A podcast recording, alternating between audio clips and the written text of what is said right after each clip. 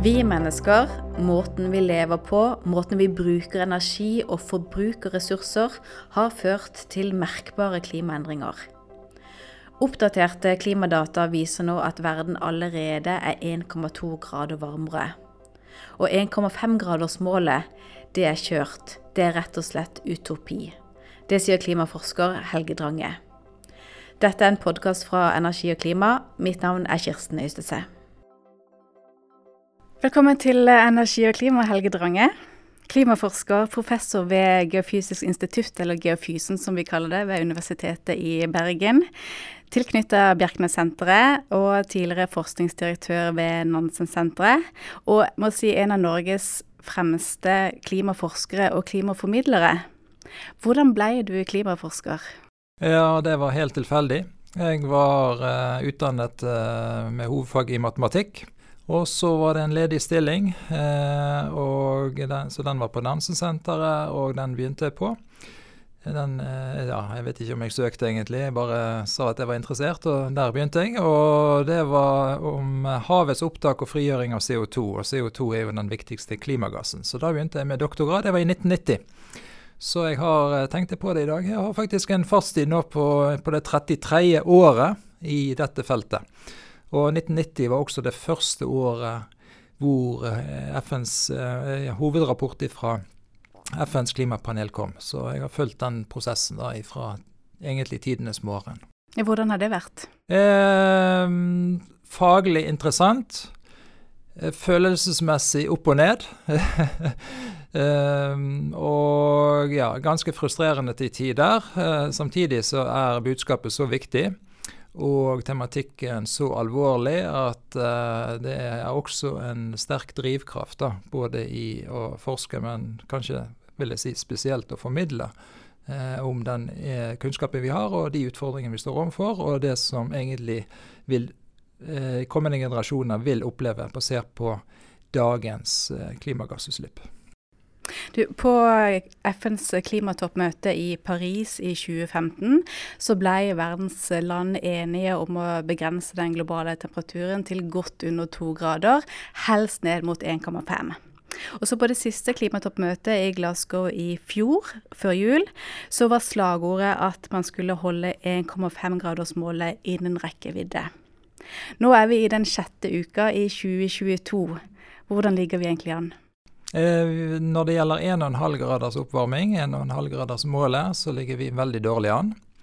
Eh, den siste hovedrapporten fra FNs klimapanel, som også kom i fjor, eh, i august-september, den sier det at høyst sannsynlig så vil vi passere 1,5 graders oppvarming i løpet av 2030-tiåret. Så vi kan si fra 10 til 10-20 år. La oss si for 15, 15 år frem i, i, forhold til i dag.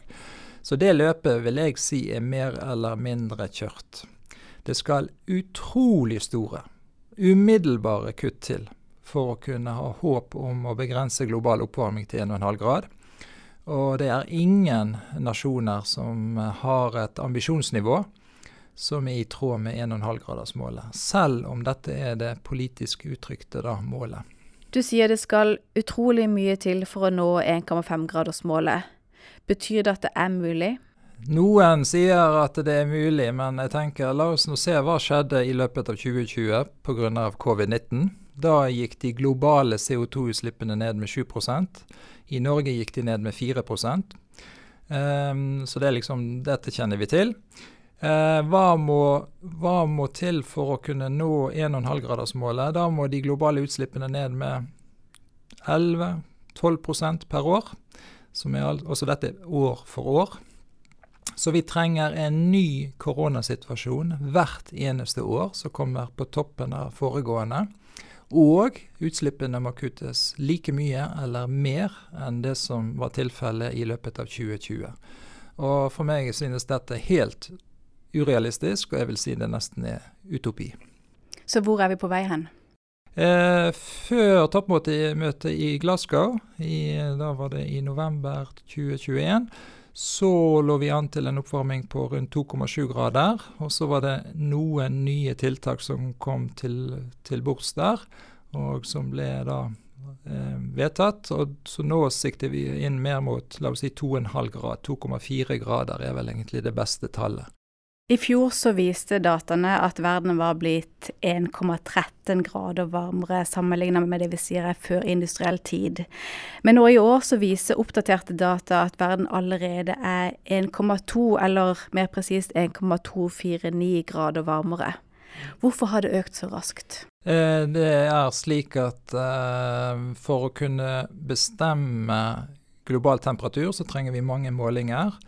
Eh, og temperaturøkningen har vært spesielt rask i Arktis, men det er få målepunkter i Arktis. Og da er spørsmålet hvordan gjør man dette? Så det er rett og slett en eh, da, forbedret metode som har blitt benyttet for å fylle inn disse hullene hvor det da ikke har vært tilstrekkelig mange og eller dårlige målinger. Uh, og det har da gjort at uh, det, beste estimatet i dag på global oppvarming har steget. Og, så det er rett vi ligger nå Vi mener at vi har hatt en oppvarming på rundt 1,25 grader siden før industriell tid. Hvor gode er disse dataene, altså hvor sikre er vi på det? Eh, det er eh, beregnet at det er en sikkerhet på pluss-minus 0,05 grader. Så jeg vil jo si, når vi snakker om en oppvarming på noe over 1 grader, og usikkerheten er på 0,05, så er vi helt trygge på at det er en uh, oppvarming. Uh, akkurat nøyaktig på hundredelen, det kan ikke vi si. Men uh, vi har mer enn nok med tilstrekkelig gode data til å konkludere om at det som vi måler nå, det er, det er, reelt. Og så kan man gå inn og diskutere akkurat den siste desimalen. Så der er nok ikke siste ord sagt. Men jeg tenker i dag å si at vi har, en, har en, hatt en oppvarming på 0, 1,2 til 1,25 grader, det, det, vil nok holde stand i veldig lang tid. Men hvor lenge har verdens klimaforskere vært sikre på at det er vi mennesker, måten vi lever på, energien vi bruker, at det er hovedsaken til klimaendringene? Ja, da tenker jeg vi kan gå til nobelprisvinnerne i fysikk. Og nå er vi også da er det ett år tilbake, eller sist høst. En av de, Klaus Hasselmann, eh, eminent forsker i, fra Max Planck-instituttet i, i, meteorologi i Hamburg, han uttrykte i et intervju at eh, dette har vi visst siden 1970-tallet. Og det kan man nå diskutere om det er 1970 eller 1980 og den første hovedrapporten fra FNs klimapanel kom i 1990. Så jeg vil si det at den kunnskap, altså kunnskapen om dette har vi hatt i 40 Iallfall i 40 år. Og selvfølgelig så kan vi si mer i dag, men det er ikke noe sånn substansielt eller viktig som, eh, som man ikke visste om på den tiden. Du sa vi, vi har visst nok i mange tiår til, til å egentlig handle. Eh, og den forskningen som er tilbake fra, fra 1990, den er egentlig ganske presis. Men vi har jo hele tiden fått ny kunnskap likevel. Er det noe som de siste tiden har endra de scenarioene som man så for seg på 1990-tallet? Ja, altså Det som er, virkelig er nytt, og, og det er jo f.eks. koblingen mellom klimaendring og ekstremvær. Og til det, for å kunne påvise en slik sammenheng, så må man ha lange og gode observasjoner. Og så må man ha modeller med en høy grad av detaljrikdom. For et ekstremvær, en ekstremværssituasjon typisk det er innenfor et lite, mindre geografisk område. Og det er først nå det er mulig å gjøre en slik kobling. Så det er en av hovedfunnene i de siste hovedrapportene fra FNs klimapanel, at uh, både når det gjelder store nedbørsmengder på kort tid, og tørke, hetebølger, og, ja, som også fører til branner, så er det en kobling eh, mellom global oppvarming, det er en langsom, stor størrelse, og ekstremhendelser, eh, værhendelser, da, på veldig små geografiske områder. Så det er et veldig viktig eh, og nytt funn. Og det tenker jeg også er viktig fordi Altså, hva er det som påvirker oss? Ofte. Det er jo flommer, og det er branner, og det er tørke og, ja, og slike ting. Altså det kan være orkaner òg. Og, og, nå er det altså en kobling til det som skjer. Det er maskineriet som ligger bak. Så da kommer spørsmålet Hvis man virkelig blir skadelidende, Eh, la oss si at eh, det, kom, det, er tørke, langvarig tørke. Sommer etter sommer etter sommer. Man får, avlingene slår feil, det er branner. Økosystemene de eh, slutter å fungere slik som vi kjenner de. Er det da slik at er befolkningsgrupper, individ, grupper eller kanskje nasjoner, eh, regioner, eh, vil gå til retten og si det at OK, vi, eh, vi er utsatt. Vårt, leve, vårt, levemåte den er i fare. Kanskje må vi flytte. Eh, vi vet at dette, det er de som slipper ut klimagassutslippene som er årsak i dette. Så eh, vi trenger oppreising, vi trenger hjelp, vi trenger støtte. Så det tror jeg vil komme. Vi tror vi vil se mange flere rettssaker som vil komme på banen. Også, eh, også vil er hvor, da, Det som vi gjerne sier er svake grupper.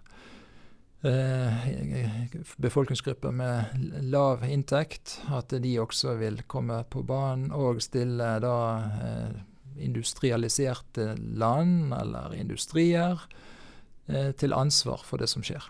Så du tror at både flere land og flere selskaper og næringsliv kan bli stilt for retten pga. ekstremværhendelser? Ja, det tror jeg. Og eh, kanskje mer enn tror. Vi har vel i dag, det nærmer seg kanskje 1500 rettssaker i verden. Hvor individer og organisasjoner eh, da reiser sak mot Det kan være mot stat eller mot industrikonsern, eh, altså spesielt fossilindustri. Eh, fordi det er en kobling med det, det som de gjør, og det, dette er jo profitt, og eh, klimaendring lokalt.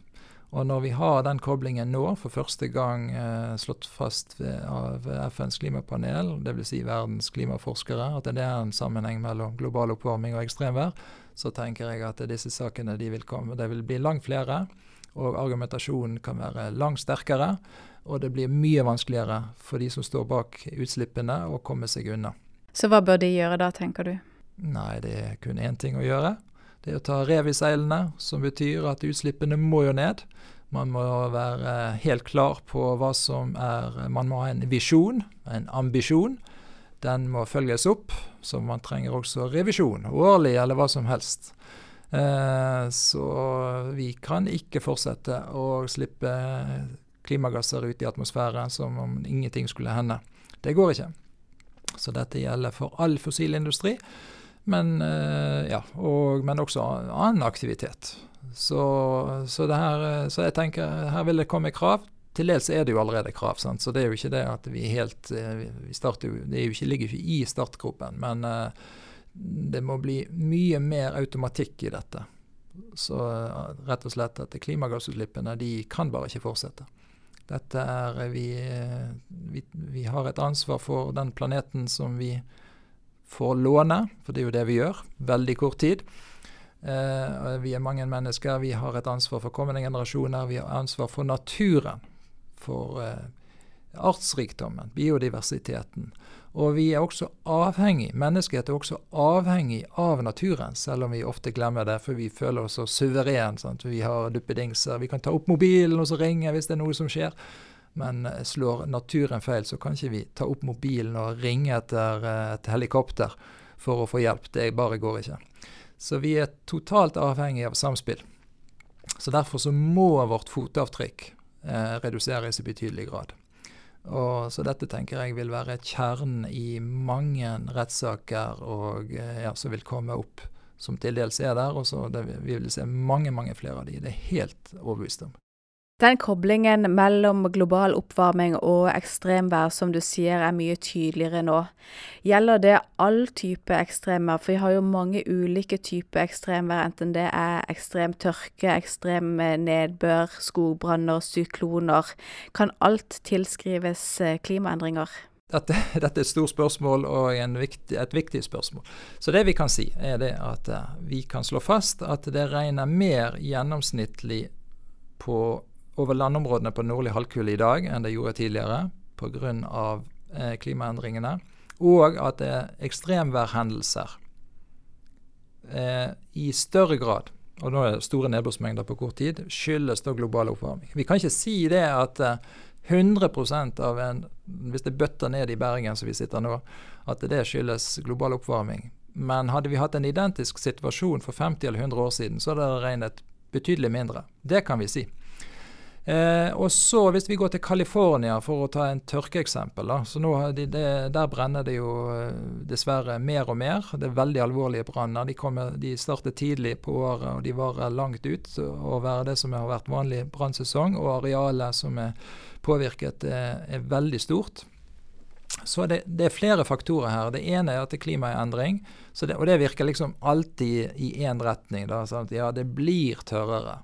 Men i tillegg så steller vi oss ikke så bra. Vi bosetter oss hvor vi ikke burde bo. Vi, I California så er det massiv produksjon av mandel. Det er jo ikke så bra, for mandeltrær krever veldig mye vann. Faktisk er det vel slik at hver mandel krever fire liter med vann. Det er jo noe å tenke på når man sitter og godter seg med en marsipan, som jeg elsker.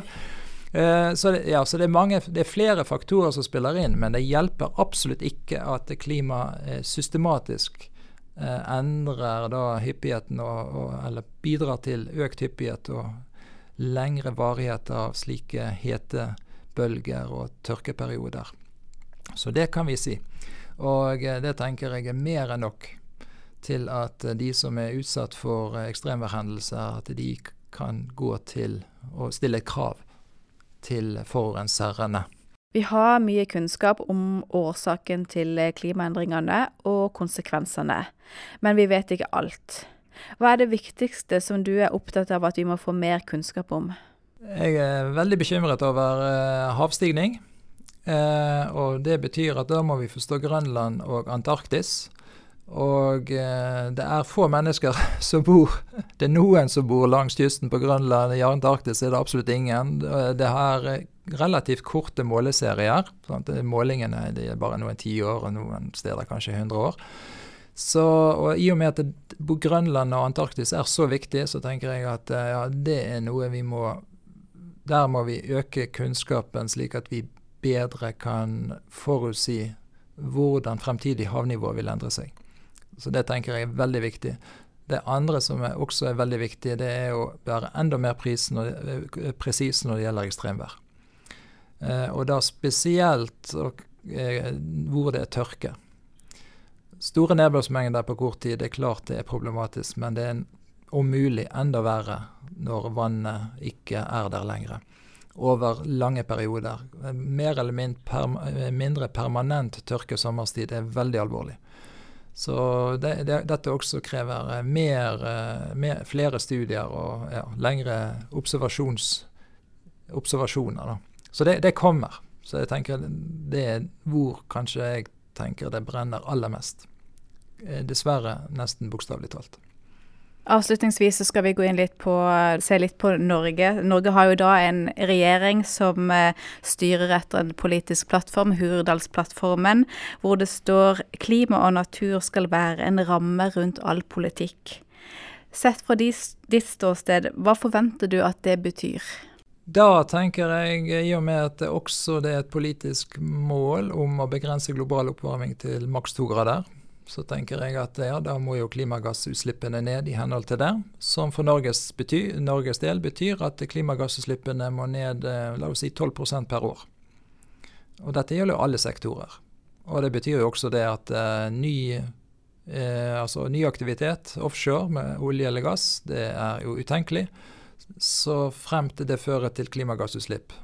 Og det eneste måten å fortsette med den aktiviteten uten klimagassutslipp, det er jo 100% CO2-fangst og -lagring.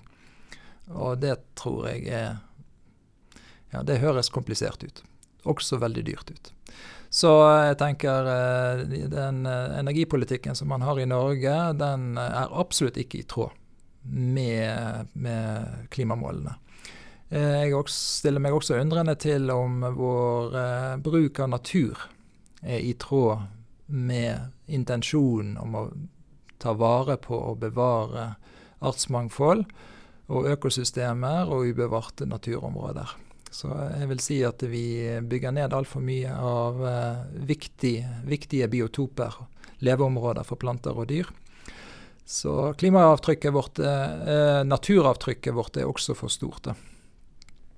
Så jeg vil vel egentlig generelt si det at det er, eh, det er egentlig to stemmer vi hører. En, den ene stemmen den sier 1,5 grad, Parisavtalen, dette er vårt mål.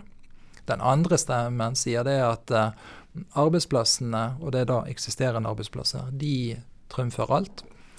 Eh, vi trenger, Norge skal bidra f.eks. til å gi energi til Europa. Så Derfor så skal vi fortsette, og ikke bare fortsette, men vi skal også søke nye områder når det gjelder olje og gass. Og her eh, mener jeg det er altså Fra mitt ståsted så er det dette Disse to stemmene, de, de, de snakker i motsatt retning. Og det bekymrer meg veldig. Og jeg syns også det er betenkelig at det er en slik dualitet eller tosidighet i, i retorikken og i handlingen. Er det et problem at uh, politisk så, så, snakker man om 1,5-gradersmålet som, uh, som, det man styrer mot? Ja, jeg, jeg syns det, det, blir nesten en slags metadiskusjon, fordi som FNs klimapanel sier at 1,5 grader kan man forvente, det forventer vi at vi får i løpet av 2030-tallet, uansett hva vi gjør med klimagassutslippene. Så det er liksom kjørt. Så jeg tenker jo det er ikke det veldig mye mer fornuftig å snakke om hvor vi faktisk hva vi faktisk kan oppnå. da. Og da tenker jeg to grader, under to grader, eller la oss si to grader. Det kan vi kanskje få til. Altså det er mulig. Der har vi enda et visst handlingsrom. 1,5-grader-målet, det er liksom, det, det, er kjørt, det er løpt. Så her tenker jeg det er litt å holde folk for narr òg. For det er ingen ærlighet i denne argumentasjonen. Den er veldig tosidig. Så og var det virkelig slik at man holdt 1,5-gradersmålet som det de facto mål, så må det jo være handlinger i tråd, noenlunde i tråd med det. Men det fins overhodet ikke. Så, så, dette er både beklagelig og alvorlig, vil jeg si. Da sier jeg tusen takk for tydelige ord, og takk for praten. Takk, det samme.